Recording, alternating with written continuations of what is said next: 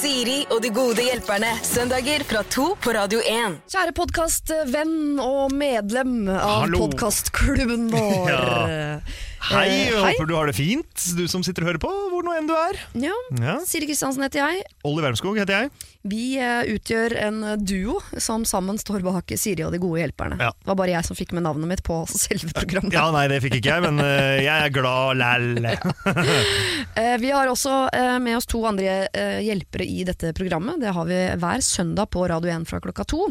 Eh, Og eh, den podkastepisoden du nå skal få høre, så har vi hatt besøk da av Håvard Lilleheie. Ja, nydelig menneske. Ja, eh, du kjenner kanskje best fra United, Ja, som kom i 99, eller når det var.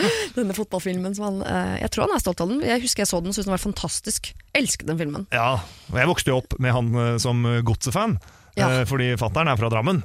Og jeg var jo også en lite Jeg likte godt så godt, så jeg har alltid, alltid likt eh, Håvard. Ja, en godslig type. Ja. For anledningen med skjegg, noe jeg syns han burde hatt for lenge lenge siden. Ja. Eh, så hadde vi også med oss Maria Stavang, jeg er kjent som Piatid fra YouTube. Har vel 250 000 følgere hver uke som laster ned videoene hennes. Ja.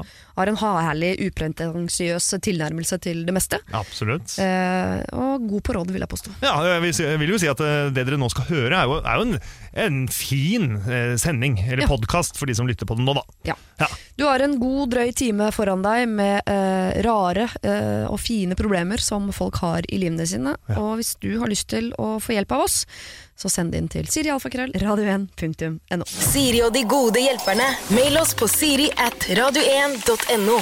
Du hører på Siri og de gode hjelperne her på Radio 1. Vi er her hver eneste søndag eh, framover fra klokka to eh, ut eh, de neste 100 årene. Eh, I hvert fall hvis jeg får det som jeg vil. Og hvis Olli Wermskog får det som han vil. God dag, Olli. God, god dag, god dag. Min faste finske hjelper. Ja, det, det stemmer. Har du en fin uke? Du, jeg har en eh, fin uke og en litt uh, slitsom dag. Det er det vel den eneste tingen i dag som er motsatt fra at uka har vært fin. Uh, oh, ja. Grunnet uh, at jeg inntok noe kokos i går, som jeg er allergisk mot. Så da er jeg veldig sånn kløete og rødete i trynet i dag. Ja, Ja. Så det blir slitsomt for deg mentalt. Ja, det går jo fint, det går greit, men eh, det er litt sånn, ah, sånn ah, irriterende. Litt som å miste trikken. Det kan ikke bare ikke skje. Bare at du mister trikken hvert eneste sekund, på en Ja. måte, fordi det klør ja. i fjeset. Og så går det over. Litt antihistaminer, og så er man på plass. Ja. Så det er bra. Jeg har jo eh, 40 år bak meg som uh, eh, atopisk eksemjente, så jeg kan på en måte skjønne hvordan du har det. Ja. Ja. ja.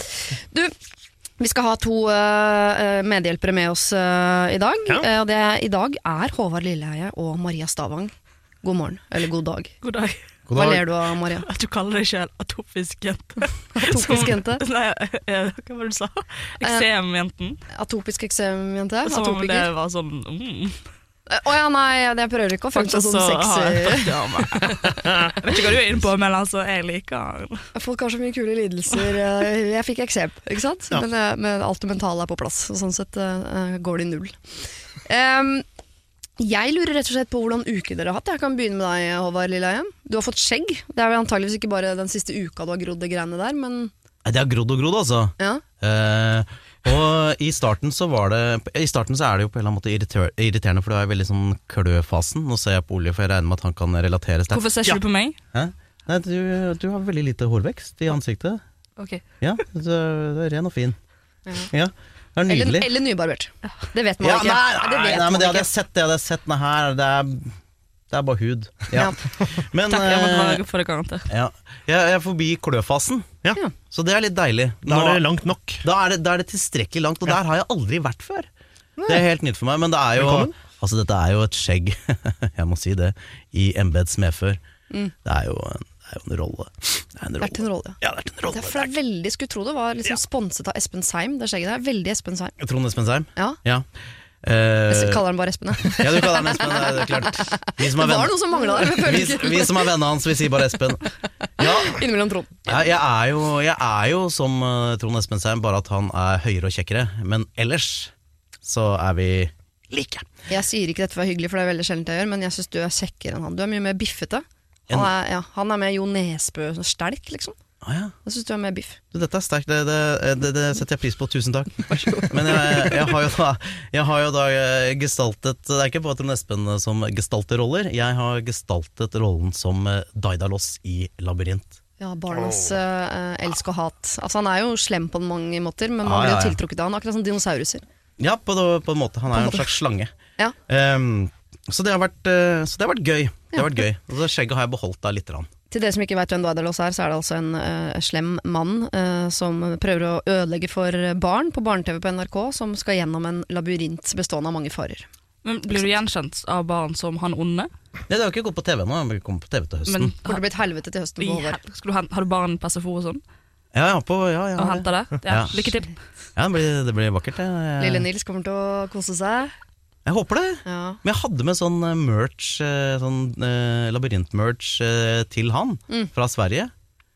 Uh, for jeg tenkte det var stas, da, men nå er det lenge siden det har gått labyrint på TV. Ikke sant? For ja. jeg, lenge siden de har laget sesong. Hadde du en liten sånn amulett da? Eller sånn? Nei, jeg hadde sånn der Taurus som ene roboten-figur, og Flipp-figur, som er den lille søte roboten. Ja, ja. Og et spill og en ganske sånn bra pakke. Da sa han eh, Pappa, det der er ikke så interessant for meg nå. Nei. Jøsse navn. Så det var eh, ja. Vesle voksen-type. Jeg, prøvde å- eller altså, jeg prøvde å melde på min sønn til å- labyrintsesongen som du nå gestalter. Ja, jøss, ja. Han var vel ikke kul nok, da. sånn er det bare. Men sånn, det, er, læ- det er bra at han lærer seg at showbiz er hardt. Ja, det er veldig At fint. det, det er ingen som kaster jobben etter deg. Nei, det skal jeg passe på å fortelle han Ja. ofte. Maria Stavang, eh, og bedre kjent som eh, Pia-tid Hei. fra Yotube. som vi kaller det. Ja. Girl. Åssen uke har du hatt? Du, den har eh, suset og gått, den. Jeg har hjulpet en kompis med å flytte, som eh, jeg ikke visste at jeg hadde i meg, men det hadde jeg. Altså, Du visste ikke at du hadde han kompisen, eller evnen Nei, til å flytte? jeg, visste ikke at jeg hadde den evnen til å hjelpe andre ja. på, sånn, på sånn sett, uten å føle at du trenger å få noe tilbake. Men at man sa sjøl sånn Nei, men du, hvis du har sliter med det, så skal jeg hjelpe deg med det. Ja. Fikk Ja. du god følelse av det? Ja, Så kanskje jeg gjorde det mest for min egen del. og Like god for meg nå. Evige spørsmålet her. Alt egentlig egoisme og så Det videre. er jo Trapper eller heis? Eh, Begge deler. Men vi måtte bære sengen gjennom fire etasjer, og da kjente jeg på det. Ja, det er hardt, ja. Men eh, det var, jeg gikk hjem med en god følelse etterpå. Ja. Jeg tror han. Men jeg, Hold litt på den følelsen, fordi den følelsen skal du få muligheten til å erverve deg opptil flere ganger i dag. For Ja. jeg har jo fått inn eh, masse mail fra folk som eh, hører på dette programmet, og som trenger hjelp. Og nå får vi jo ikke fysisk flyttet sengene deres, men vi kan kanskje fysisk eller psykisk eh, flytte en del grenser og mentale problemer ved å bare være raus. Så den følelsen skal du få muligheten til å bringe fram flere ganger i dag, eh, Maria. jo, tusen takk. Til deg som ikke har sendt inn problemet ditt, så er ikke det for seint på noen som helst uh, måte. Uh, send det til sirialfakrøll radio1.no. Siri og de gode hjelperne. De gode hjelperne er i dag Olli Wermskog, min finske faste hjelper, og uh, spesielt for anledningen Håvard Lilleheie og Maria Stavang, også kjent som Pia-tid. Dere, Vi skal ta et uh, problem fra en som heter Ulrikka. Det er jo lett å tenke at hun er svensk. Det vet jeg ikke, for norsken i mailen er plettfri. Her står det. Jeg har nylig flyttet sammen med min kjæreste gjennom fire år i verdens fineste hus. Ikke måtte vi ta opp lån heller. Lykke tenker dere sikkert, og det er det på mange måter. Men det følger med et aber. Huset er hans barndomshjem, og vi har tatt det over fordi moren hans har emigrert til varmere strøk. Jeg studerer eh, kunst og er over gjennomsnittet opptatt av farger, lys osv. Jeg bare ser hvor fint vi kunne hatt det om vi hadde endret noen småting. Men svigermor, hun surner. Hun mener at huset alltid har fungert, og at det er helt håpløst å skulle endre noe som helst. Mannen min er enig med meg, men han tør ikke å stå imot sin mor. Jeg ser i øynene hennes at hun kommer til å hate meg dersom jeg trumfer gjennom dette.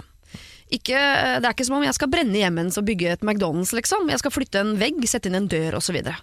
Og jeg lurer på, hvordan kan jeg bevare et godt forhold til min svigermor, men samtidig trives hjemme? spør da Ulrikka. Oh. Eh, hva er viktigst, trives hjemme eller eh, ha et godt forhold til svigermor? Da må jeg begynne med deg, Håvard, for du har jo hatt noen av de. Sier ikke at ikke du har det, Maria. Ja, eh, mer eh, voksen forhold til deg med svigerforeldre, vil jeg tro. Ja, ja svigermødre har, har kommet og gått. Jeg eh, ja, det, det jeg, jeg skjønner at hun skal jo selvfølgelig få lov til å gjøre eh, hva hun vil med, med huset som er hennes, hvis det er hennes. Eh, men, men det jeg ofte tenker på, er liksom hvorfor folk må ha det så jævla fint for å trives. Er det ikke noen ganger greit å ha det liksom funksjonelt og bra? Og, og så kan, kan det ikke bare være litt sånn som det er, da? Hvis det funker, liksom? Må det, altså Over gjennomsnittet opptatt av farger og estetikk. Tenker du at vi er litt snobbete i dette landet? Vi bruker, dette er det landet i verden som bruker mest penger på oppussing. Altså, vi Mm. ommøblerer og pusser opp hele tiden. Ja, må alle ha det så utrolig fint? Men hun heter kunne ha jo det bra. ja. Hun heter Ulrikka. Selvfølgelig er hun interessert i kunst og farger. Og Det er nok et navn hun har funnet på. Men, det, men det, er, jo- det er jo navnet hun hadde ønsket seg, selvfølgelig, så det, det sier jo også noe om eh, Men uh, Heter egentlig jeg- Jeanette. Antagelig. Heter egentlig Jeanette. he- Egentlig Jeanette, men er, føler seg som en Ulrikka. Ja. Ja, men altså, Det er jo smak og behag da, hva som eh, faller en pent for øyet. Hvis hun uh, liker at det er uh, Hørte du den setningen? Det var plettfri.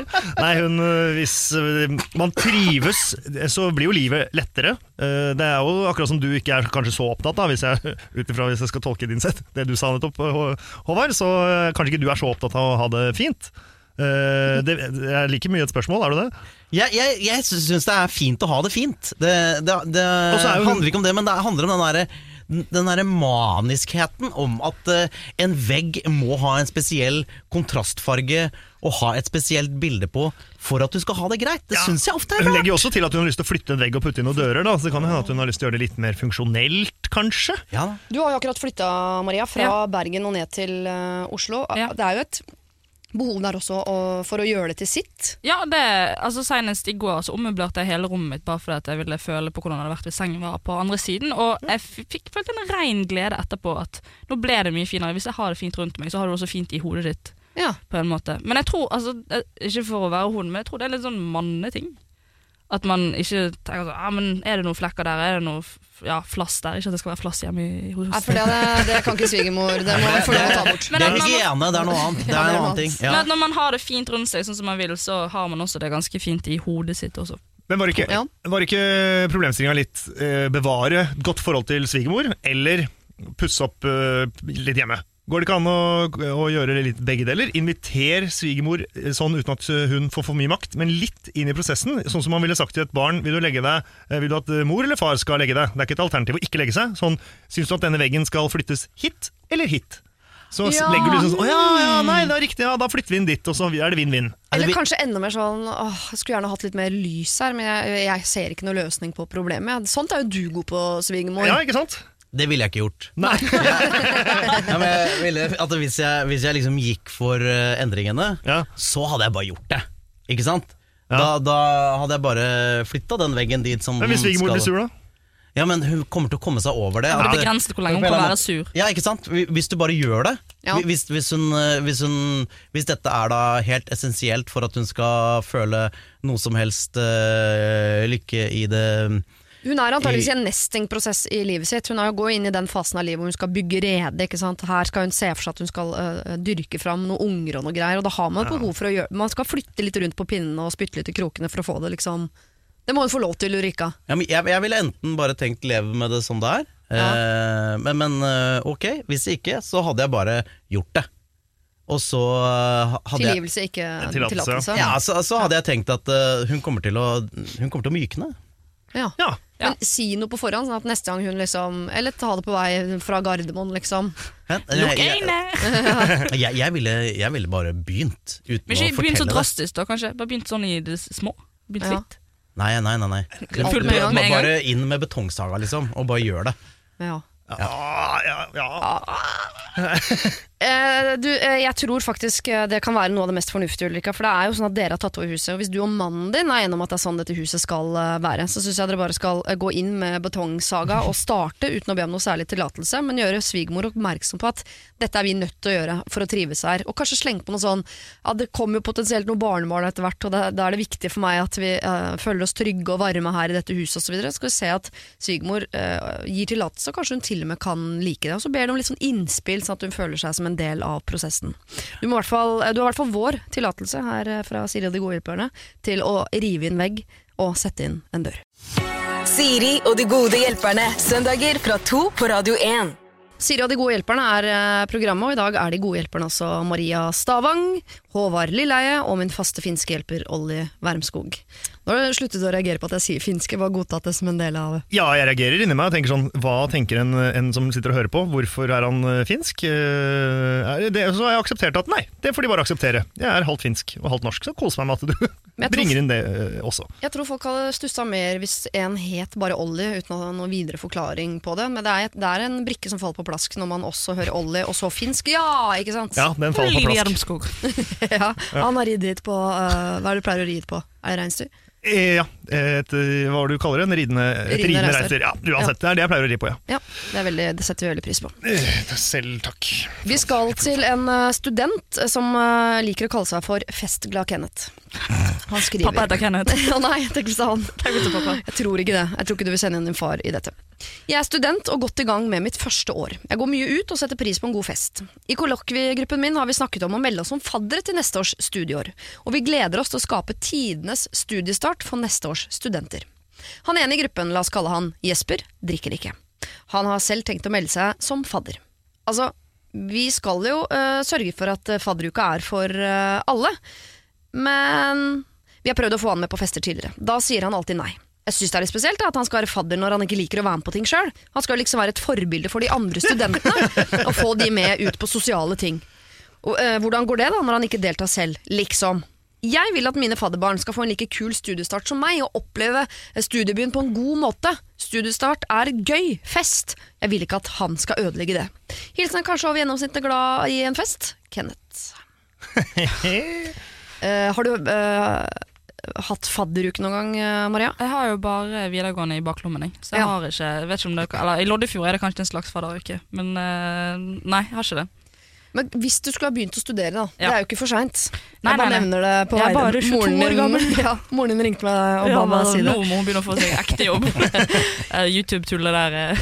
Eh. Ja, men Ville du satt pris på La oss kalle Du vandra inn på Blindern en dag her i Ja. Oslo eller Trondheim eller hvor det måtte være. Um, uh, Ville du hatt en fadder som var sånn festglad Kenneth, som Ja. viste deg liksom hvor de beste shotsa var? Eller en uh, rolig, sindig, edru type som kunne følge deg til taxien på slutten av kvelden? Ja, men nei, da går jeg for eh, festglad Kenneth. Ja. Det er jo han som vet hvor ting skjer. Er ikke, altså Nå har jo du sittet på reven hele sommeren og sikkert gledet deg til denne studenttiden, og så kommer det en sånn dødel fyr som kunne minnet deg om din far, og skal Ja. si sånn 'Her drikker vi, her sitter vi', og så Ja, nei, da vil jeg ha en, en som Kenneth. Men det er jo masse forskjellige studenter på et studiested. Det, skal ikke de, eh, det vil jo sikkert være andre som begynner å studere som ikke drikker, som hadde hatt behov for en, en Jesper, liksom. Ja, ja, absolutt. Ja. Men man kan jo fortsatt eh, gå ut på de sosiale tingene uten å drikke. Men at han ikke sjøl drar med ut på de sosiale tingene fordi han ikke drikker, da blir det, det er der det blir feil for meg, i hvert fall. Ja, altså, ja. Det er et spennende perspektiv. Og eh, Men jeg det, det, Hadde du en tanke? Jeg hadde også en Har du tanke. hatt fingeren opp i luften? Fingeren opp i lufta. Replikk? Eh, fordi jeg tror at dette også handler om en sånn eh, en eh, ungdomskultur eh, som er blitt mer sånn delt, i hvert fall siden jeg var ungdom. Eh, du, du er jo nesten ungdom fremdeles. Jo, jo, jo. Um, men det er, jeg har også hatt um, Uh, Jeg vet om uh, unge mennesker. Ja, altså. Som- det er jeg anerkjenner fenomenet unge mennesker. Mer på Nei, Åsted men- Norge. eh, Jeg vet om unge mennesker eh, som, eh, som ikke drikker. Ja. Og mitt inntrykk er at det er, eh, det er mer sånn delt nå at du har noen som fester hardt, men så har du flere som da sier også helt nei. Ja. Sånn at det, det er eh, der, der har det vært en endring. Eh, og jeg vet også om et ungt menneske som har eh, prøvd seg på et eh, studiested, men som rett og slett fikk en sånn avsmak fordi hun eh, hun er liksom ordentlig, da, som ikke drikker, og sånn, og så var det liksom bare hurra, hurra, hurra. Ja. Så hun dro igjen. Eh, Slutta Altså, studiet? kanskje- Hun slutta, ja. Kanskje man skulle hatt en fire-fem Kenneth og en Jesper eh, som faddere, men at, eh, jeg vet ikke om studiestedene gjør det. Om de teamer opp fadder med fadderbarn de tror kan passe sammen. Om man har en eller annen form for eh, faddertinder eh, lokalt på studiet. Men om ikke det fins, så kanskje du Kenneth, hvis du er så utrolig full av overskudd og fest og futt og fart, liksom. Ha kapasitet Lage til å et lage kart. Ja, lage en eller annen, eh, om ikke en Tinder-app, så et Excel-dokument, liksom, hvor du teamer opp uh, Jesper med Jesper og Kenneth med Kenneth, liksom. Ja, Folk er jo forskjellige. Det er jo velkommen til verden. på en måte Man har uh, alt fra muslimer til ateister til kristne. Du har alt mulig forskjellig. Ja. Så Det er jo det samme i studiet. Noen er glad i å drikke, og andre ikke. Så jeg tenker det må da være kanskje rom for flere Kennether, som du sier, Siri. Men Ja. kom, vi må da ha noen uh, sånne Jesper'er òg. Det er jo viktig, sånn at man ikke utelukker, som Håvard sier, de som ikke har så lyst på den festen og har lyst til å gjøre det litt annerledes. Ikke sant. Kenneth han ødelegger jo ikke for deg. Du kommer til å få det gøy med de andre som er av eh, din eh, sort. på en måte. Dere kommer til å ha det kjempemorsomt sammen. Og så kommer Jesper til å finne sine Jesperer som han kan leke med. Og da tror jeg de kommer til å sette veldig pris på at de fikk en eh, fadder som er som Jesper, og ikke en som er som deg. Folk er forskjellige, og det skal være plass til eh, begge deler. Og så lenge du sørger for at ditt fadderbarn har en like kul start på studietiden som det du hadde, eh, så har jo på en måte du gjort det du kan. Siri og de gode hjelperne. Søndager fra to på Radio 1. I dag har jeg med meg Maria Stavang, Håvard Lilleheie. Lilleheie, jeg glemmer noen ganger hånden din, Håvard. Det Det, beklager jeg. det er veldig vanskelig, det. Jeg Jeg går blir over. veldig usikker. Hva? Jeg også over. over. Åh, tok den ikke? nei, Ja. nå tok jeg den. Det er var det Litt tid Stum. H. Ja, Stum H. Ja. Men det er noe jeg Håvard skriver Lilleheie. uten H, da ser jeg det. At Hva? det er- Det er noen jeg skriver navnet ditt uten H i etternavnet, Ja. men da ser jeg at det er noe som mangler. Det skal jeg innrømme. Uh, Olli Wermskog, min faste finske hjelper, du er her også. Nå Yes. skal vi hjelpe en som heter Ella, som har sendt inn sitt problem til sirialfakrøll radio1.no. Hei! Jeg skriver på vegne av en venninnegjeng som har kjent hverandre siden barneskolen. Nå er vi alle 22-23 år gamle og på ca. samme sted i livet. Altså, ingen har barn, alle har jobb, noen har type, noen av de igjen har samboer, ingen er gift. Allikevel er vi forskjellige, men ikke så forskjellige eh, at vi ikke respekterer hverandre. Før nå. En av oss, kall henne Karoline, har startet en YouTube-kanal. Hun har alltid vært eh, den av oss med eh, det største eksponeringsbehovet, og hun er morsom og utadvendt, men dette Altså, hun kopierer alle andre. Den ene uken er hun beauty, neste uke er det ironi, så er det følelser og angst, så er det power woman. Altså, vi kjenner henne ikke igjen. Nå ler alle venninnene bak ryggen hennes, og det føles ikke bra. Men vi har et behov for å ventilere. Skal vi fortsette med det, eller skal vi ta oss sammen, eller skal vi eventuelt konfrontere henne, spør da Ella. Må- Da må jeg begynne med deg, Maria Stavang, om at du har din egen YouTube-kanal. YouTube-kanal. Men du har din egen greie òg, du bytter jo ikke, du er ikke uh, på en måte Jeg bytter masse med beauty, har ikke du sett det i fjeset mitt? Jo, men, det, men jeg føler at Jeg håper det er en ironisk distanse der. Jo, liten, Ja. liten ikke så jeg kjører humoren min gjennom uh, et eller annet eh, vaskeprogram. Men altså, hun eh, Klassisk for alle som driver med YouTube, er ja, som hun sa, et ekstremt behov for eksponering. Ja. Og det er jo altså sånn eh, Det ligger jo ganske stor karriere inni det. Hvis du får det til, hvis du knekker den koden, eh, både økonomisk og fame eh, Så det kan jo være at det ligger noe At hun skal bli kjendis.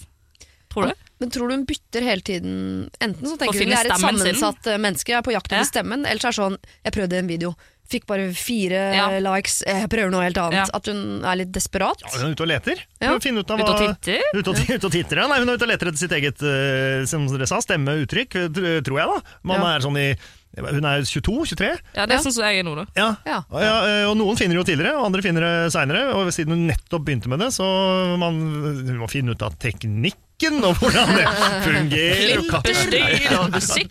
Ja, men hvis hun eh, Hvis de ler av henne bak ryggen hennes, så gjør hun ikke noe bra. Hvis hun har det eksponeringsbehovet, så burde hun prøve seg på andre ting, som på en scene eller på sang, eller gjøre andre ting som ikke hele verden får sett. da. Ja, for det er det hele verden ser. Men det er jo ikke sikkert det er så ille, eller? Det kan jo hende Kanskje at de misunner det? Ja, eller at de ikke forstår hva hun driver med. Eller, altså, hun gjør jo ikke noe slemt. Altså, nei. jeg vil jo si, hvis, hvis den baksnakkinga, for det er jo i alle vennegjenger, så trenger man eh, ofte en, og det kan rullere litt. Så man, man trenger å snakke litt dritt med hverandre, og så kan man være glad i hverandre for det. eh, Ja, ja, ja, Så lenge de det ikke er liksom altfor ondsinna. Eh, Så, så lenge de fortsatt liksom liker eh, dette mennesket, Mm. eh, så tenker jeg snakk nå bak i ryggen på en sånn eh, Kan godt være dritt, men at alle er enige om at det det er fortsatt et kult eh, menneske. Så fort det begynner å bli sånn hun dama der, må vi få ut, eh, orker ikke mer av Er det noen som kjenner en leiemorder? Ja, da, da, vi må stoppe før vi kommer dit. ja, da må man jo finne ut Er vi fortsatt glad i henne, skal vi konfrontere henne, hva gjør vi? Ja. tenker jeg. Ja, fordi det jeg tenker er litt essensielt der, er eh, Er hun bare på utkikk etter sin egen stemme, eller er hun talentløs? Ja, ja, Nei, det er Altså, et veldig fint ja, spørsmål å det- stille. det er, det er et veldig relevant spørsmål, da. Eh, fordi enten så er hun bare litt sånn på søken, eller så kan det aldri gå. Eh, Men, men det, det hun sa da, i, i starten der, var at hun syntes at eh, Var det Karo hun ble kalt? Ja, Karoline. Karoline? Karoline? Vi kaller henne Karo. Ja. Eh, at, at, Alltid bitchen i gjengen, på en måte. ja, ja. Men at Karo egentlig var en ganske artig jente. Ja, det sa hun. Ja, hun sa det, hun sa det. Ja, hun sa det. Eller skrev det. Så, så da føler jeg at da er det kanskje Kanskje, kanskje Karo har noe greier gående. Kanskje hun bare må Kanskje hun bare må liksom ledes litt inn på Ja. Gjør det der for det er gøy, men ikke gjør det for det er dritt. Ja, Kanskje de skal se at ok, ventiler gjerne dere imellom. Kanskje dere heller skal se gjennom det dere har lagd. Og hvis det er én retning dere liker bedre enn de andre, prøv å backe den litt. Vet du hva, Når du er på det der uh, uh, 'jeg har følelser'-kjøret ditt, det liker, kanskje, der syns jeg du er god. er det Kanskje du skal gjøre det det, det mer. Men altså, jeg må altså, eh, Jeg begynte jo holdt på med YouTube i kanskje tre-fire år nå, og det første året mitt på YouTube, det er mye følelser og mye jævlig, og det er så dårlig, liksom. Jeg klarer ikke å se gjennom det nå før jeg må kaste opp og gulpe litt. Alt ligger Ja. der fortsatt, du har ikke sletta Nei, jo, jeg har gjort det privat. Ingen må inn og se på piati.com. Kan man slette det, eller er Jeg det kan slette det og gjøre det privat. Ja. Eh, så mm, altså starten altså Si for deg, du har jo gjort litt standup. Ja, Eh, takk for og, at du- Jo, vær så god. Eh, de første vitsene man gjør når man gjør standup. Jeg Hvor mye skulle begynte du på topp, jeg ga meg jeg ble dårligere, gradvis dårligere og dårligere. Men Hvor mye skulle du hatt for å gjenfortelle de på en scene i dag, liksom? Ja, det hadde jeg gjort gratis. For nå er det humor igjen. Men jeg hadde for selvinnsikt hadde ikke gjort det om igjen, da. Nei, Så men jeg måtte mest- fått lov til å si dette skrev jeg som veldig ung og dum eh, Ja. menneske. Det Ja, hadde ja. jeg fått lov til. Jeg hadde ikke gjort det, altså, jeg hadde ikke gjort det uten det filteret der. Altså det, første, jeg vil bare si, det første man gjør, er kanskje ikke det beste i starten, men det kan bli til noe veldig fint. Ja. Og så har hun antageligvis ikke veldig mange følgere. Så det er jo antageligvis den venninnegjengen og kanskje en 10-12-40 til. Ja, Eh, så da er det ikke så farlig. Eh, Det er jo den beste arenaen å trene seg på. Jeg syns dere skal tenke det, dere. Eh, selvfølgelig har dere et behov for å ventilere, ikke ha dårlig samvittighet for det. Bare stopp det før det blir på en måte hat. Husk at dere er glad i Karoline. Hun er morsom, som dere sier, og utadvendt. Gi henne litt sånn støtte på de tingene hun er god på, og gi henne masse tid. Det kan ta år eh, før man finner liksom sin stemme på YouTube. Og hvis det er sånn at hun er talentløs, så er det ikke dere som venninner som skal slakte det. Det kommer på en måte verden for øvrig til å gjøre. For hvis hun om ett år eller to år fortsatt har én eller to følgere, og de hater det hun driver med, så kommer hun på et eller annet tidspunkt ha selvinnsikt nok til å gi seg. Det føler jeg meg helt trygg på. Siri og de gode hjelperne. Maria Stavang og Håvard Lilleheie sammen med faste finske Olli eh, skal få lov til å hjelpe en skuffet søster. Hun skriver Hei, min bror er utro mot dama si, og jeg har fått vite det gjennom venner av han. Vi har alltid vært nære, og vi bor i dag på samme sted, så jeg treffer han ofte. Jeg vet jeg burde si fra, men jeg er veldig usikker på hvordan jeg skal gjøre det uten å være moraliserende lillesøster. Han er eldre enn meg og har alltid vært et forbilde for meg. Skal jeg fortelle dama hans om utroskapen, eller skal jeg be han slutte å ligge med uh, denne venninnen, eller skal jeg bare be han uh, Eller skal jeg bare holde kjeft og la det gå sin gang? Hilsen skuffet lillesøster. Ja Altså Uansett hvordan du velger å ta det, om du tar det opp, så blir du litt moraliserende. Og det er ikke nødvendigvis en dårlig ting.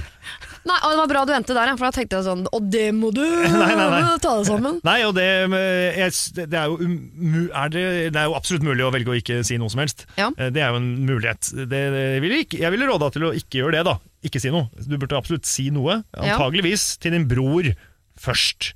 Uh, kommer an på hvor godt forhold du har til den dama, da, men uh, jeg ville sagt fra til broren Jeg er klar over det her, du må, du må ta det opp sjøl. Dette er en situasjon man, om ikke søsken, så sånn i venneflokk og sånn, har vært borti dette problemet noen ganger, men det er sjelden det er en god idé å gå rett til liksom øh, den som er utro mot. Altså, Dama, i dette tilfellet. ja. Ja, Det er veldig sjeldent at er, det er en god idé. Det er å være vel så utro. Det er jo slemt. Ja. Men han har vært utro en gang eller har vært utro over lengre tid. Nei, jeg, Med samme får, flikken. jeg får inntrykk av at det er eh, gjentagende, Ja. repeterende ligging. Han, for han er utro, det var det det, var det, det sto. Ja. Nei, det er, jo, det er jo drit, da. det er jo ikke lett å ta opp. Nei, det må jo på en eller annen måte Jeg, jeg, det, det tror jeg kan bli sånn som eh, eh, ja, men Jeg har hatt sånn noen eh, situasjoner i eget liv der Hvor man du har vært utro? Eh, Nei, det har vært, eh, vært skuff, nå. skuffende lite utroskap. Altså, jeg har uh, hatt eh, Ikke for seint. Ja, det er aldri for seint å være utro, det er viktig å huske. Så eh, Siri og det gode hjelper deg. Men, eh, Takk for oss. Jeg har alltid, jeg har alltid av en eller annen grunn ansett det for å være umoralsk. Men, eh, jeg, men det, er, det er jo noen ganger du har visst om ting, Ja. Eh, og så har det kanskje blitt sånn at i kompisgjengen så er det sånn eh, eh, Da er ingen som sier noe. Uh, fordi vi det- Bro-code, liksom. Ja, sånn brocode. Eh, som, eh, og selv om eh, jeg ikke har Jeg har jo ikke sagt noe, men jeg har så merka på sikt at jeg har liksom distansert meg fra eh, de delene av eh, eh, gjeng, gjengen Ja. Eh, som har veldig sånn sterk bro-code. Ja. På at eh, nei, men det er oss gutta, vi kan, eh, det, det blir mellom oss. Og at det føles som en sånn uh, ubehagelig ting. Er det ikke litt annerledes å være søster enn å være kompis? Ja, det er det. Selv om det kanskje ikke burde være det, men det er jo, det er jo litt Ja, det er, det er Ja. nærere. Og det burde være annerledes. Nei, nå mente jeg sånn ved tanke på å si ifra. Jeg Ja. mener ikke For der er jo det blod, der er jo ikke det kompisrelasjon. Altså der, de vil jo, kanskje ikke alltid, men siden det er søsker, søster, søster og bror, så er jo de fortsatt De vil jo møte hverandre opp gjennom tidene. Ja. Eh, I familiebesøk og til vanlig. Og hun sa jo da at han møtte henne så ofte. Og hun Men- møter antageligvis kjæresten innimellom også, vil Sant? jeg tro. Ja. Og det er jo, blir jo bare kjempeubehagelig for hun. Ja. Men jeg, han som er utro, har jo mm, Han kan jo ikke ha det bra med seg sjøl. Nei. Han må jo gå rundt og tenke på dette masse sjøl. Kanskje, men vi vet jo ingenting om forhold. Hva, For alt jeg vet. Kanskje Ja. det er åpent forhold, eller kanskje hun har vært utro først. Men han, eller, han altså- er jo i en ubehagelig situasjon uansett, tror ikke dere? jo, kan. Det er ikke nødvendigvis Det er massevis av folk som har lite samvittighet. Ja, jeg jeg har mange, altså. Jeg har venner med Ja. både åpne forhold øh, og, og folk som er helt klart utro og bryr seg ca. null om det. Men hvis lillesøster går til sin storebror og gjør han oppmerksomhet på, øh, oppmerksom på hva hun vet, så vil han jo, hvis øh, dette er et åpent forhold, så sier han jo det. Dette er ikke noe stress. Ja. Eh, hvis han er, ikke har noe moral og ikke har noe problemer med det, så vil han antakeligvis si sånn Herregud, back out of it. så, øh, altså, dette har ikke du noe med. Hvis han har problemer med det, så kan det hende at han tenker sånn Åh, digg å ha noen å snakke med. For dette er antageligvis da ikke noe han snakker med andre om. Nei. Så, så kanskje hun bare skal liksom føle seg fram der. Si, altså, gjøre han oppmerksom på at 'dette vet jeg'. Og at hun nå vet det. Søsteren. Ja, ja, ja. ja. Jeg vet dette, folk vet dette. Er det liksom, hva, hva syns du jeg skal gjøre med den informasjonen, eller? Jeg synes Det er helt, øh, det syns jeg er helt riktig. Akkurat at man skal gjøre det. Men tør man det? Nei, det er jo det du må Antageligvis så blir jo forholdet deres ja, Kanskje blir det bedre av det. Ja. Det at du liksom tar det opp og øh, viser deg fra en litt mer Så er du lillesøster i tillegg, fra en litt mer ansvarsfull side. Og så Ja. er det en historie du har hørt, så du vet jo veldig lite om, om det, altså, det er forskjell på å øh, date noen bak ryggen til dama enn å være øh, møkk dritings et eller annet sted. Jeg sier ikke at det er greit uansett, men det er fortsatt forskjell i Ja, følelser. Ja, Ja. Man har gått på en smell på Kiel-ferja, liksom. Eller Ja. om man driver og Oi. Oi, oi, oi. smell på Kiel-ferja. Et helt tilfeldig eksempel. Tatt ut av hatten der. Men er, er dere enige i at eh, hun kan gå og snakke med broren sin om dette, her, eller Ja. vil hun da fremstå som eh, lille, liksom, irriterende søstera? Det kommer an på hvordan hun går fram med det. Hvis hun skal virke veldig sånn, ja, moraliserende og sint, og sånn, men si sånn Du, jeg har fått høre her at du har vært utro. Hva tenker du om det? Ja, Jeg, ja jeg tror hun må gjøre det for sin egen del, for at eh, det er åpenbart at dette er liksom noe hun eh, Dette bugger henne. Hun Ja. sliter med det. Ja. Eh, Så da ville jeg gjort det. Ja, rett og slett. Gjør det, eh, skuffede lillesøster. Vær moraliserende lillesøster. Gå og si til broren din at du vet det du vet, og se hvordan han reagerer. Altså Være moraliserende betyr jo bare at man har høy moral. Syns vi ikke skal gjøre om det til noe negativt.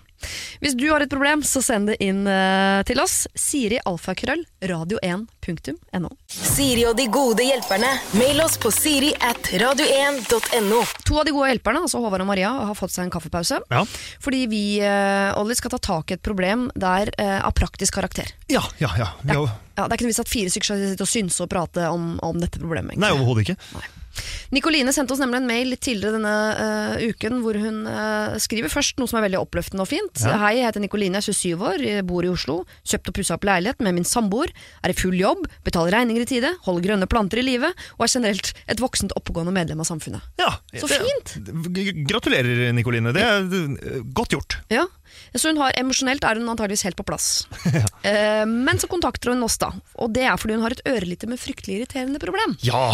Lyset inne i ovnen har gått. ja. Det sluttet å fungere for veldig lenge siden, og jeg aner rett og slett ikke hvordan man bytter lyspærer der inne.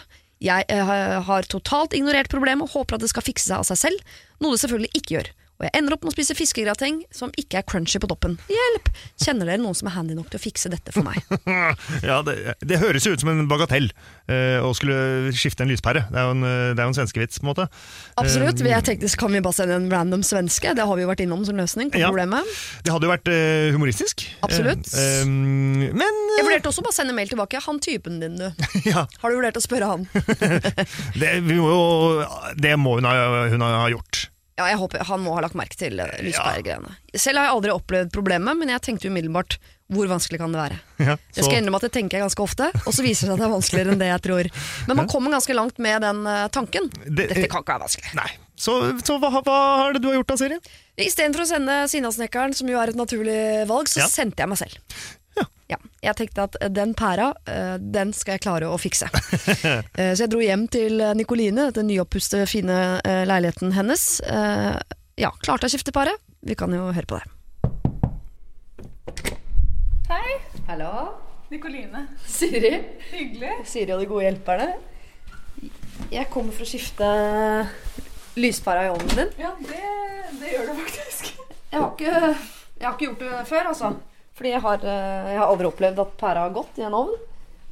Men jeg innbiller meg at jeg skal forstå hvordan det gjøres. Kan jeg først spørre hvorfor typen din ikke har fått det til? For å være helt ærlig, så han reiser veldig mye. Ja. Eh, han reiser veldig mye. Og så eh, de få gangene jeg har prøvd Du vet sånn når du går på Claes Olsson én gang, og så får du det ikke til, og da, da stoppa det for meg, rett og slett. Da ga det opp. Jeg har vært på Claes Olsson, jeg har vært på eh, litt sånn ymse butikker. Og hadde endt opp med en lyspære som han som jobbet eh, der, sa at det er 95% sikkert at det er denne lyspæra. Ja, det er spennende. Så har jeg med denne herlige lille saken. Her- Oppi her er det to lyspærer, så har du til neste gang. Så skal jeg se, da. Her. Ja. Du har ikke vaska ovnen før jeg kom. Nei, det har jeg heller ikke gjort. Det får gå. Ja, da skal jeg bare få smykken. Hvilken er som har gått av? Den på høyresiden? Ja, den på høyresiden. Eller finner egentlig kanskje begge på. to. Må, jeg må gjøre Det er kanskje begge to, ja. Det lyser i hvert fall ikke noen av dem. Men da må vi jo Er det et sånt som at den bare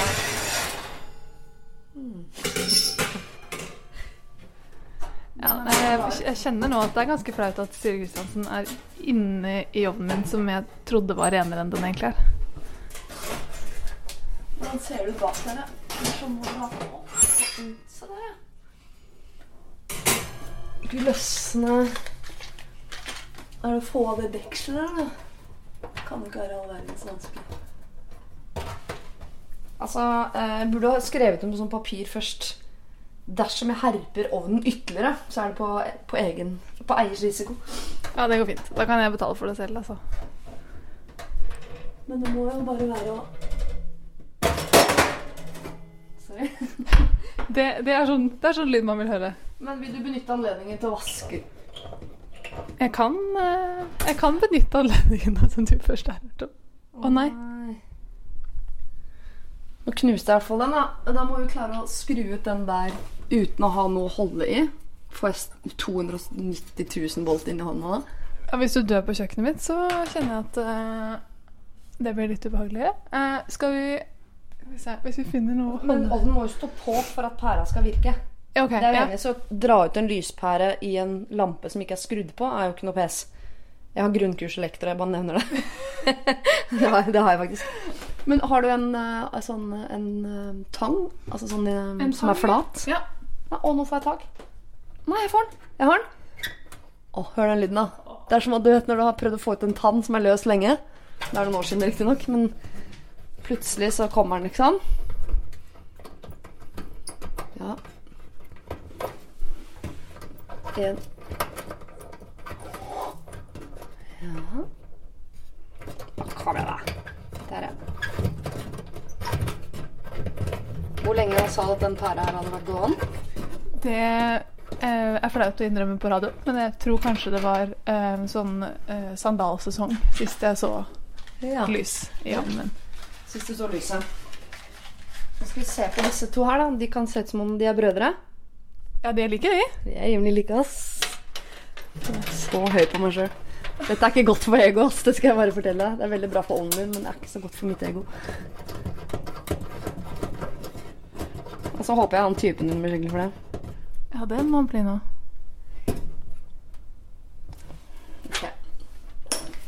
La oss nå se om det blir lys. Funka plutselig begge. Og er det sånn ja, Det er akkurat som blinklysene på bilen. Hvis det ene går, så går det andre dobbelt så fort. Fordi jeg er på en eller annen måte seriekobla eller parallellkobla. Nå dukker det opp begreper fra grunnkurs elektro. Men da trenger jeg ikke å bytte den, da. Nei, Da har jeg en ekstra til neste gang, og nå vet jeg hvordan man gjør det. Herregud. Ja, fulgte du med, da? Ja, jeg fulgte med, jeg fulgte med som faen, jeg. Men da har du den lille her ekstra. Til, eh, for den der broren kommer til å gå snart. Jeg tipper jo de er satt inn ca. likt. Bare at den ene var litt svakere enn den andre. Men du vil altså ikke ja, Se her, ja. Og her ser du også at på en av sidene så går den inn der. Det er der man skal ta tak. da Ja. Hadde vært greit om jeg fulgte med på hvilken vei det var. Utrolig gøy at det er så skittent her inne når Siri Kristiansen er på kjøkkenet mitt. Sånn, der er den på plass. Og så var det en eller annen litt artig patent på den her, da. Den skulle bare stikkes inn på den måten inne her.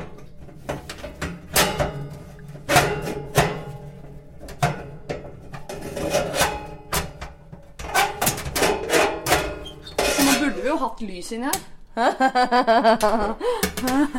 Ja, de skal selvfølgelig inn i der. Så så jeg plutselig to hull.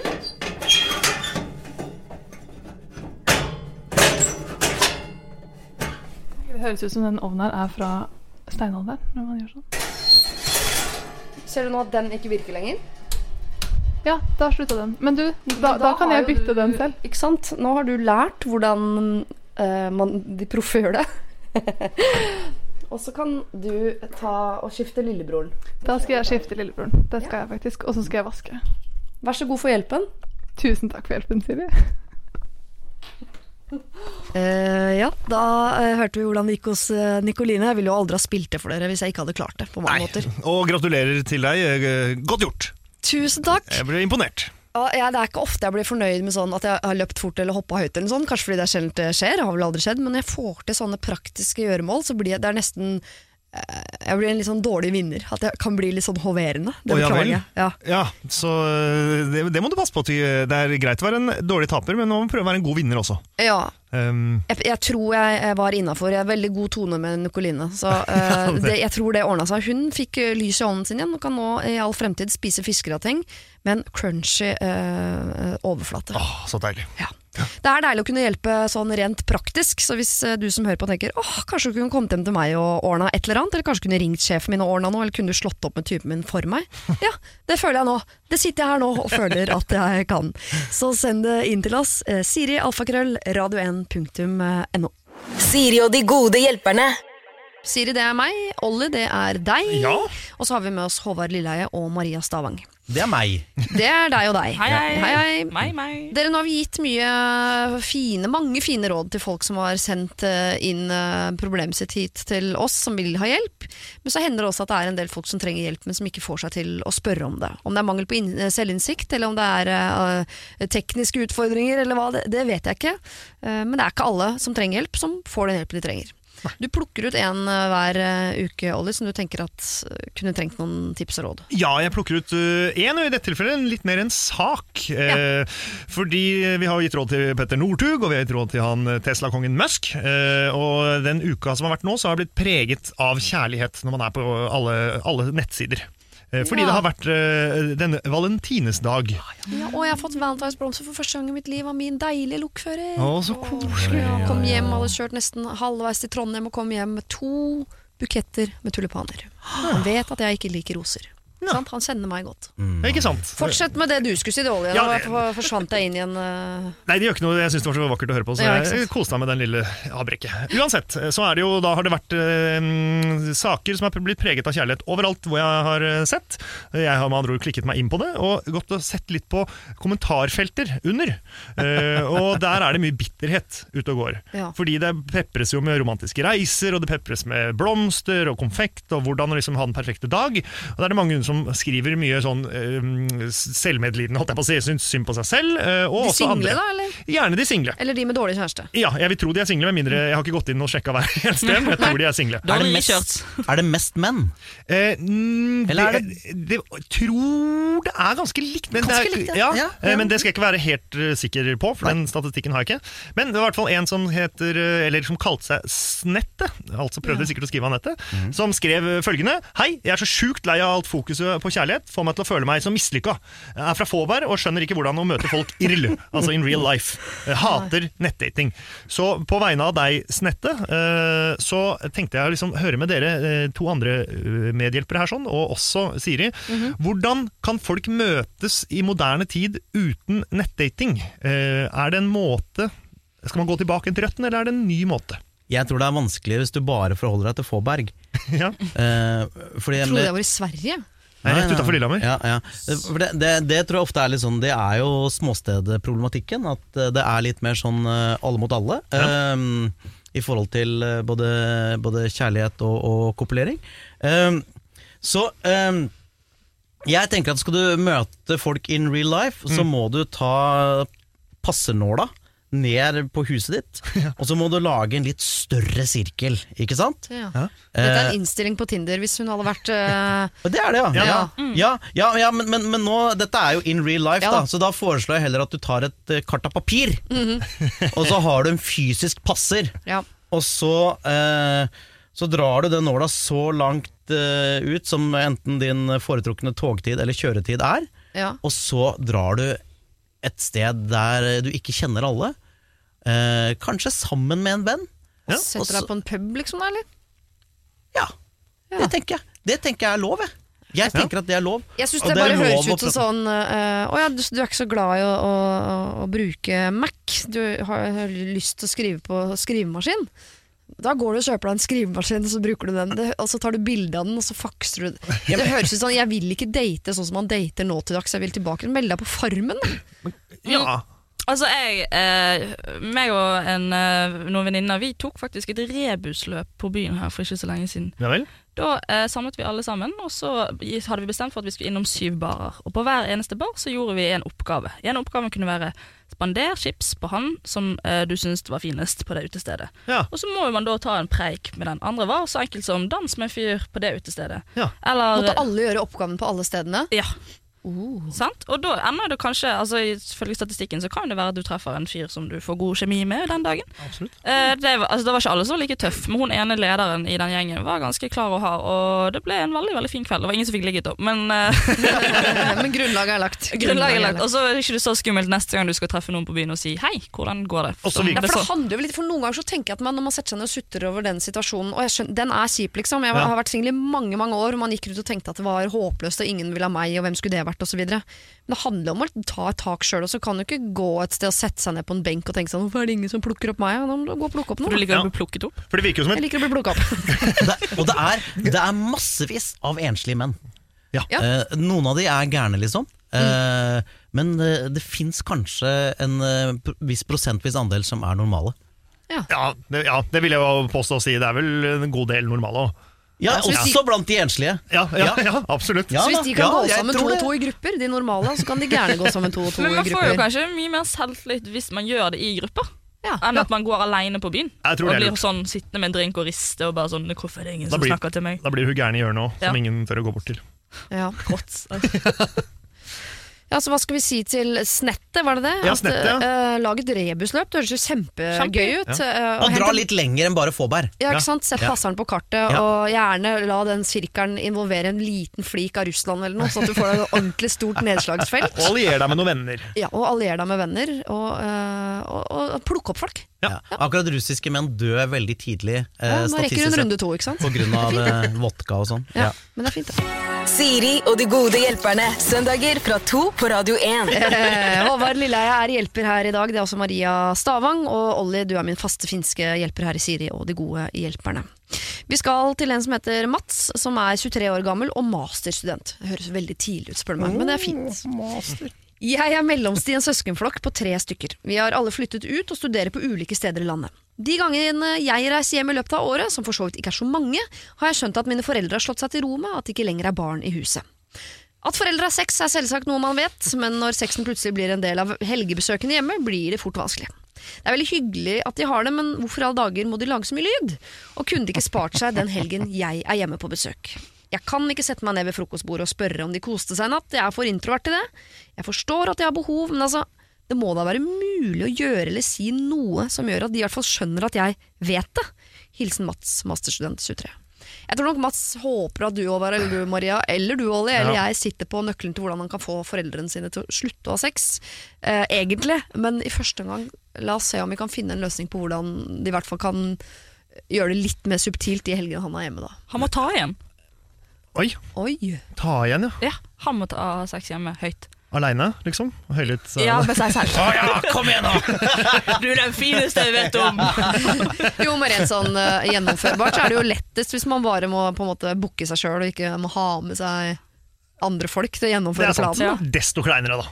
Jo, jo. Ja, men du har jo satt et poeng, da. Er det Hvordan- kleinere enn at foreldrene dine Hva, at, du ha, at du har med en dame hjem og ligger med henne og, Du må ligge med og, be, høyt. og ber henne være Høylytt? I hvert fall late som hun har det kjempebra. Jeg, eh, Fint om du er litt mer eh, ja, kan, ivrig. kan du være litt med? Nå, nå syns jeg du er litt passiv her. Foreldra mine ligger i naborommet, kom igjen, da. De, Kjør på. må, de skal vite at vi ligger. Tror ikke hun hører deg. Det er jo masse det er, Men det er jo Jeg tenker at det er jo um, det, det, På den positive siden, det at foreldrene har sex og, og lager lyd, det, det øker jo muligheten for at de ikke skiller seg. Ja. At de faktisk holder sammen.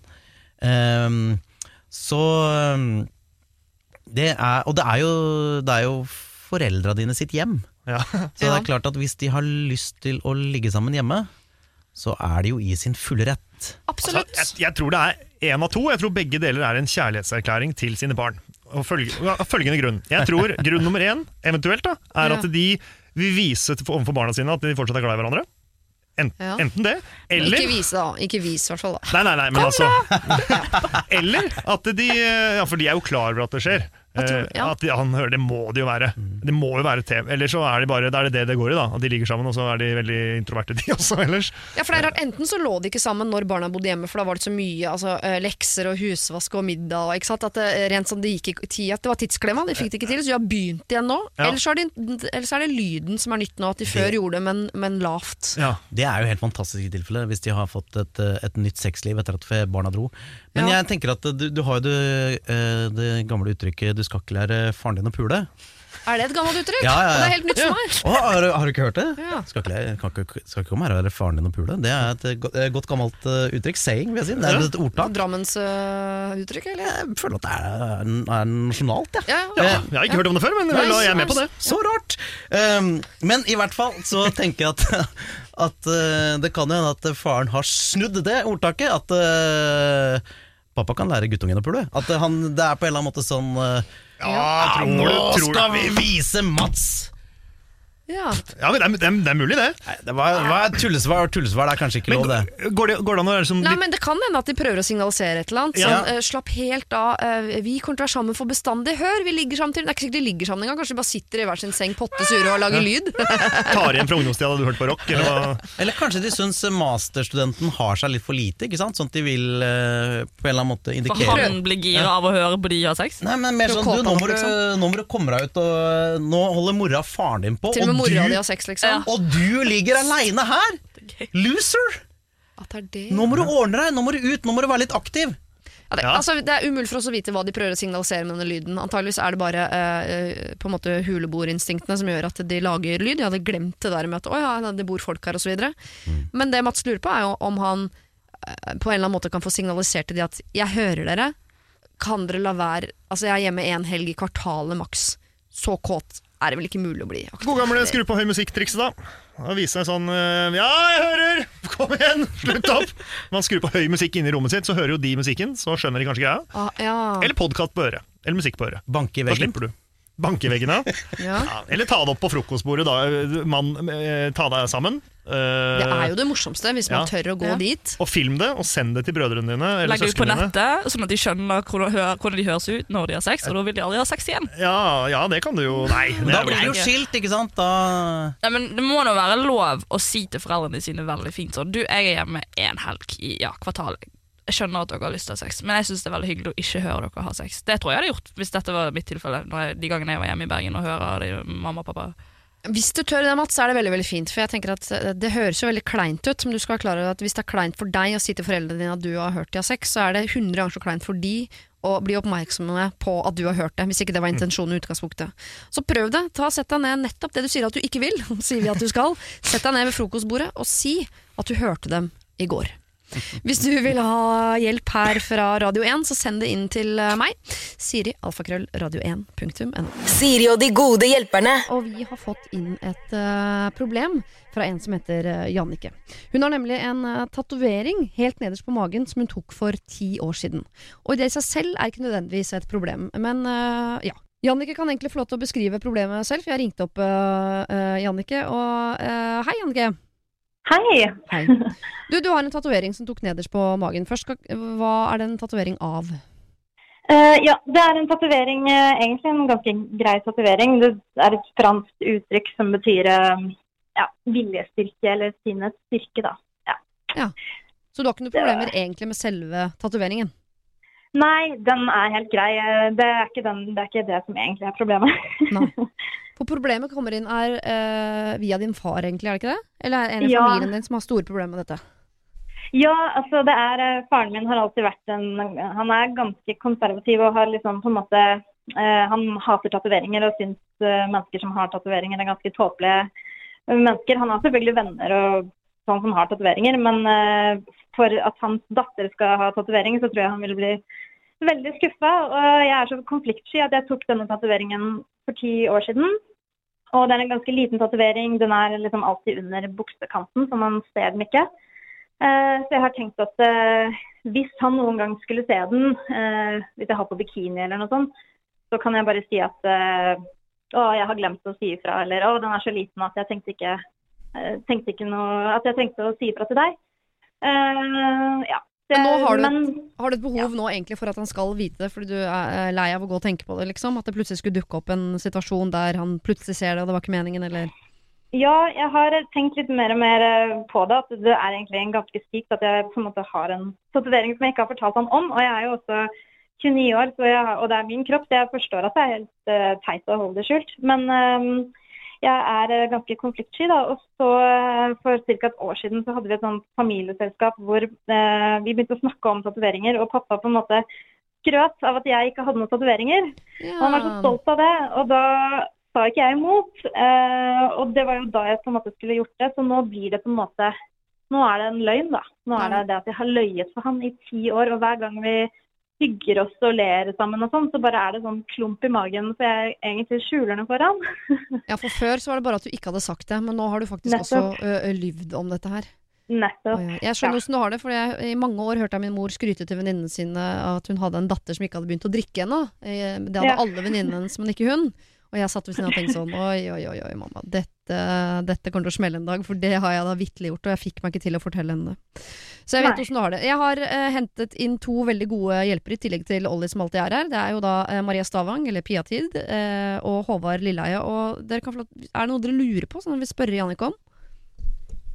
Ehm, nei. Jeg kan, eh, jeg kan Jeg har noen spørsmål. Ja, ta, ta Ja, første Håvard. Ja. Hva, hva, hva slags ehm, Men eh, tok du Tok du tatoveringen eh, da du var edru? Ja. Ja. Så du, du, du, ikke sant, du står for tatoveringa?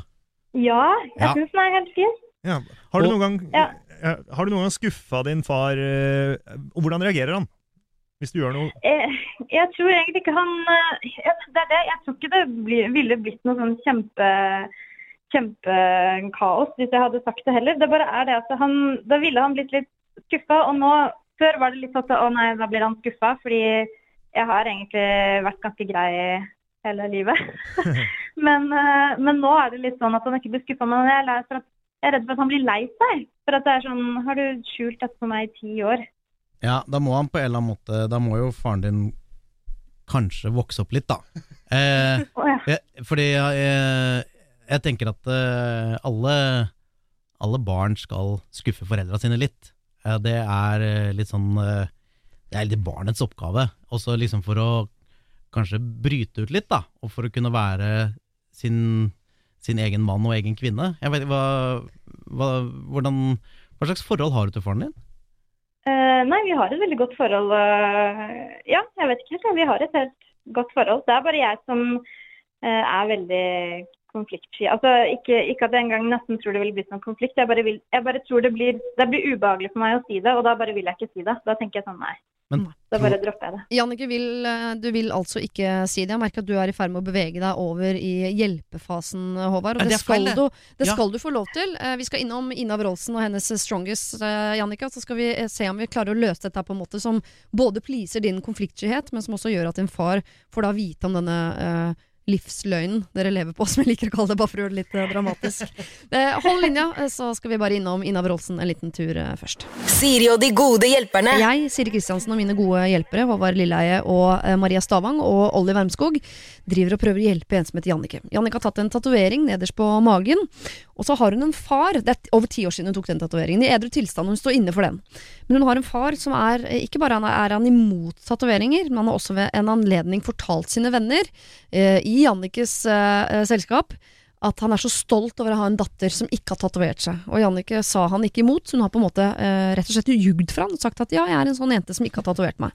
Hun er konfliktsky, og hun har ikke lyst til å skuffe sin far. Hun er redd for at han blir lei seg, men allikevel så har hun lyst til å liksom hun tenker på det hver gang de ler og hver gang de gjør det bra sammen. Så tenker hun sånn 'Å, det er noe du ikke vet, pappa'. Så hun lurer på om hun nå eh, kan fortelle han det på en måte som eh, ikke er vanskelig for henne, som konfliktsky, og som også gjør det helt sånn spiselig for far å få denne beskjeden. Eh, Maria, hva tenker du eh, her? Burde hun, skal hun si det, eller skal hun ikke si det?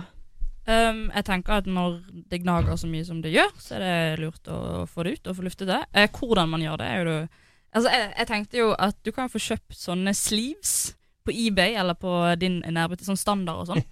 Og hva om noen bare stiller opp Jannicke, i sleeve? Du kommer hjem med sleeve, og så ser du reaksjonen til din far, og han er sånn 'Hva er det du har gjort med kroppen din?' Rar. Jeg tror det er sånn din far er. Eh. Um, og når han blir så sur og skuffet over det, så sier du sånn 'Nei da', og så ruller du av sliven.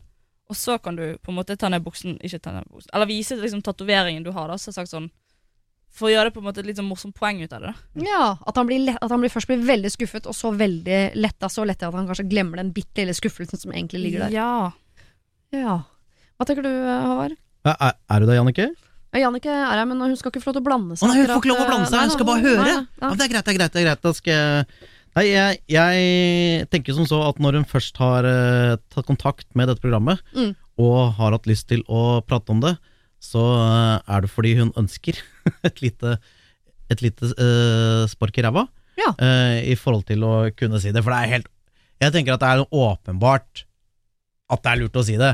Fordi at når du går og føler så mye på at du ikke har sagt det, og den følelsen, den, den går jo ikke bort. For det er jo da en løgn som alltid ligger der. Uh, og hun er jo uh, veldig samvittighetsfull jente, da, virker det Mm. som.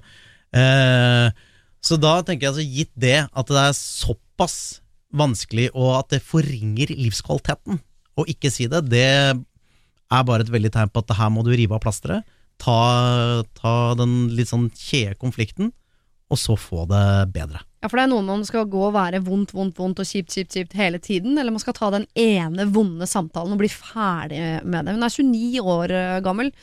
Har hun noen meldeplikt til far sin fortsatt, synes du, Olli? Nei, det har hun ikke. Eh, Det, hun har ikke noe meldeplikt, men du kan jo gjøre det Relasjonen vokser jo når man blir eldre, så det, blir jo, det er fortsatt en forelder, men det er jo kanskje mer også en samtalepartner i en, ikke en belærende forstand, men man kan dele og veksle både erfaringer og eh, meninger. Men hvis du har noe, eh, ikke i en negativ forstand, hvis du har noe på han, som du har opplevd, så går det jo an Nå mener jeg ikke at det må være noe ille, men et eller annet som er sånn Du, vet du hva? Jeg vet dette om deg, og jeg syns det er helt greit. Nå skal du få lov å vite noe om meg. Eh, Jeg har eh, gått og bært på dette lenge, men uh, bokstavelig talt og, og følelsesmessig. eh, ta, en titt, ta en titt på det her. Det er ikke så ille, og den er godt gjemt. Hva syns, hva, hva syns du? Syns den er kul? Eh, så kanskje det blir lettere. Har du ikke noe sånt, så er jeg helt enig med Håvard. Det er bare å si det. Jeg tror det kommer til å gå helt fint, og det blir deilig etterpå.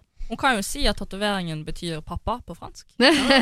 det er fint. Men jeg tenkte også på en ting eh, Jannicke sa ganske tidlig her, nemlig at uh, pappa liker ikke folk med tatoveringer. Sånn, det gjør han jo, for han liker jo deg, og du er en med tatovering. Så han liker jo folk med tatoveringer, han bare ikke er klar over det. Så kanskje det er en ganske sånn fin, en fin ting å bringe inn i livet til sin uh, far. Eh, Jannicke, nå som du har hørt både Maria, Håvard, Olli og meg eh, snakke om dette her, tenker du nå at, at du skal si dette her til, til pappaen din?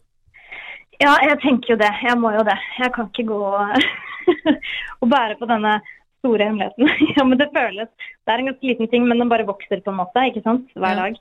Men hva med å kjøpe inn eh, sånn at han blir ordentlig skuffa, så ta de av for å, så at han bare blir litt sånn letta og litt Ja. skuffa? Er det en vei å gå?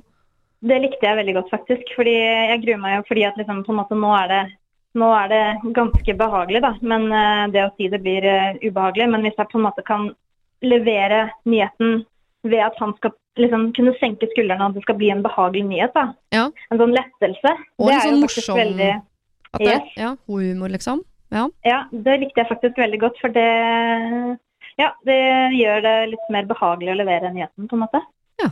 Da har vi hjulpet deg, Jannike. føler jeg, godt på vei. Du går og sløper, kjøper deg en eller to Standard. sleeves, eh, rett og slett. Og så uh, går du hjem til din far og skuffer han sånn ordentlig, før du tar av deg sleevesene så han blir letta. Og så viser du den bitte lille franske tatoveringen som betyr pappa.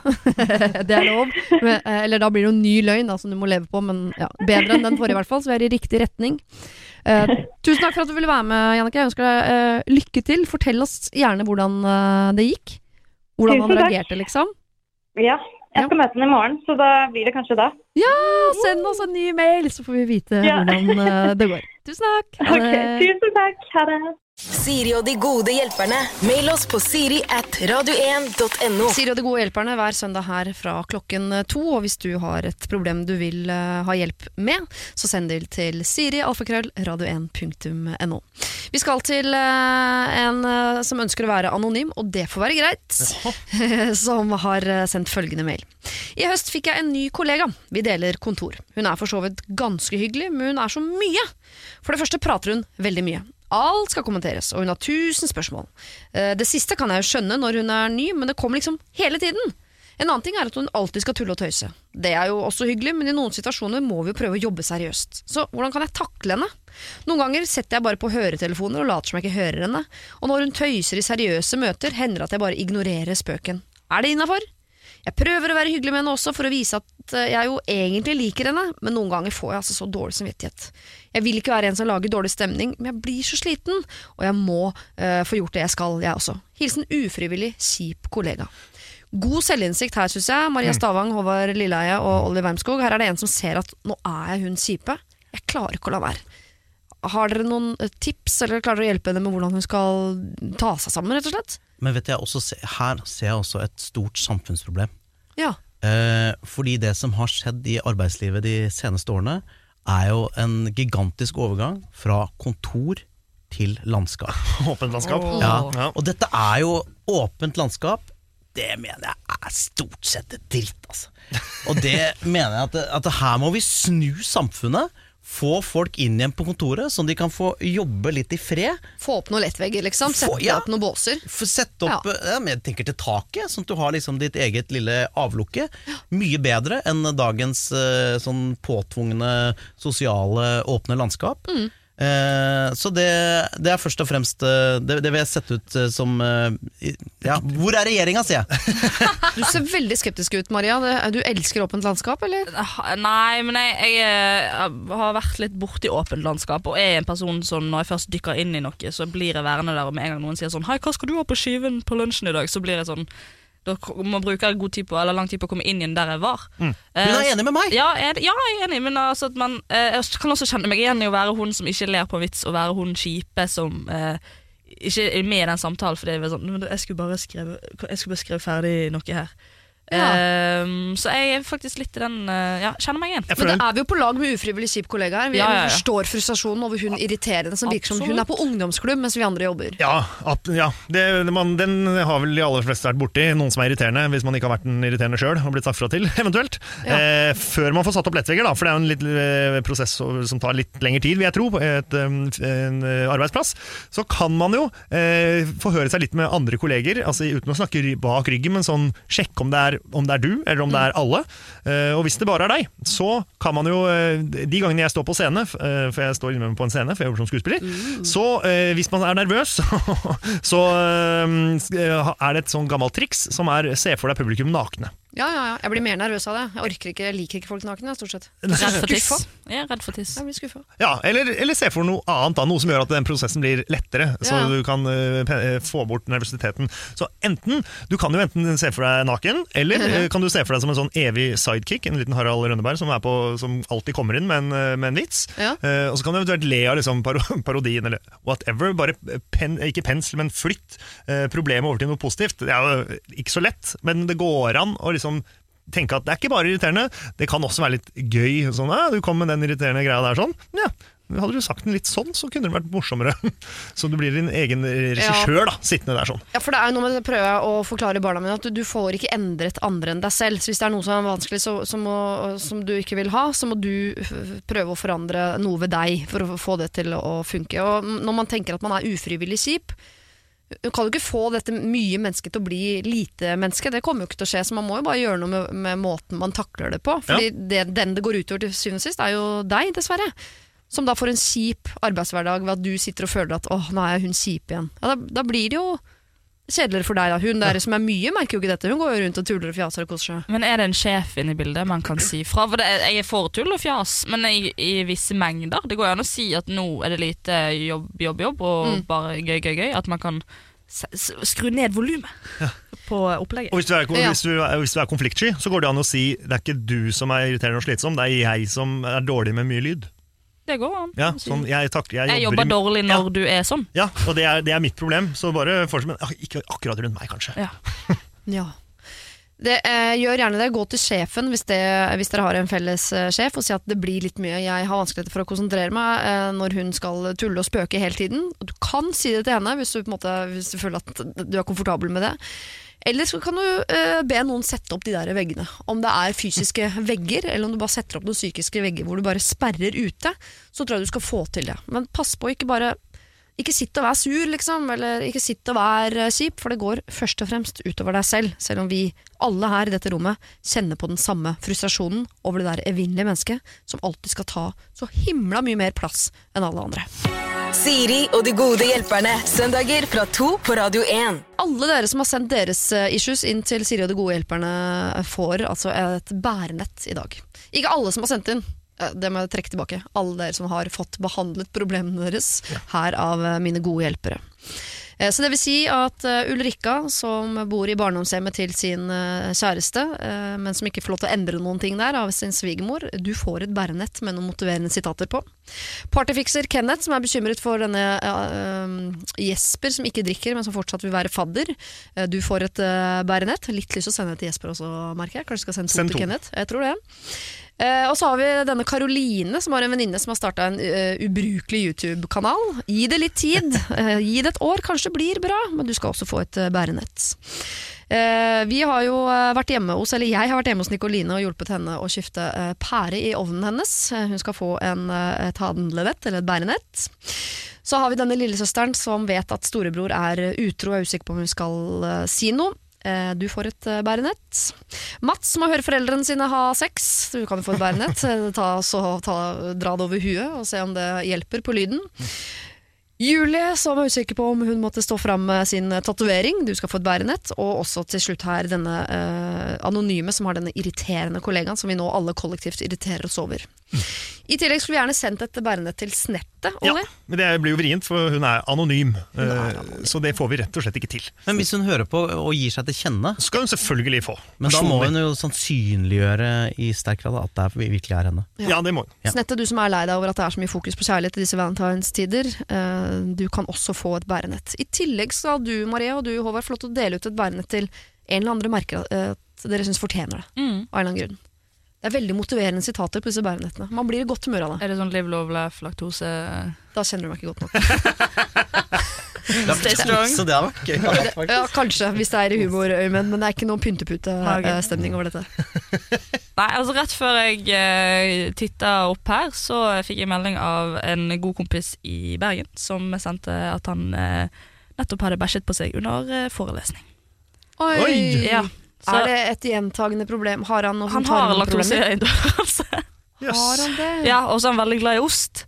Det er utrolig dum kombinasjon. Det er veldig dårlig. uh, Akkurat som jeg har et fedmeproblem, men veldig glad i sjokolade. Det er så synd når de verdenene møtes, liksom. Oh. ja. Jeg kjenner meg godt igjen. Så han skal få et bærenett. Skal Ja. vi fylle det med dopapir, eller? Kanskje vi godt gjør det. Eh, Og litt ost, faktisk. Du kan Ja, bruke bærenett bærene som en bleie. Det er også mulig. Ja, det bør kunne gå an, det. Ja. Da får han uh, det. Bærenett, dopapir og en, en ost. En ost. Damer, tenker jeg. Ja. Håvard, hvem har du lyst til å uh, motivere denne uken? Jeg vil gi det til mammaen min. Mamma, herregud, Ja, det vil jeg. Fordi hun hadde noen sånne greier i ryggen. Ja. Eh, og så, eh, på en eller annen måte, så spredde det seg til foten, sånn at hun ikke har liksom full førlighet Ischias. i, i ja, noen prolapsaktige greier.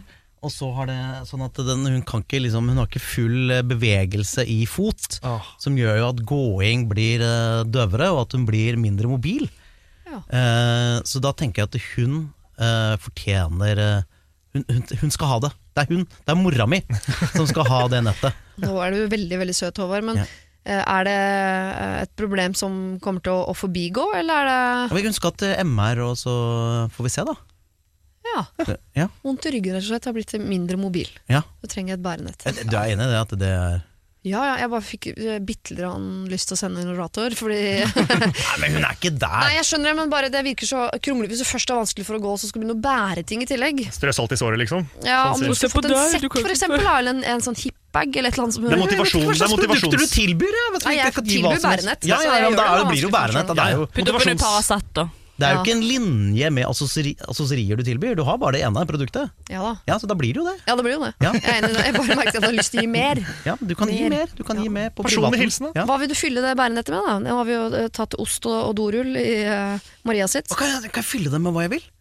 Ja, bare Eh. mentalt, da. Ikke sant? Vi, jeg går ikke ut i- Kanskje jeg skal gå ut i butikken og kjøpe? Ja, Kommer litt an på hva det er. Ja. Uh, Ikke iPhone og iPad og de tingene der. nei, nei. Det må jo bli uh, Love Hearts. bl blom, blomster og konfekt. Blomster og konfekt Ja. i bærenett fra sønnen. Ja.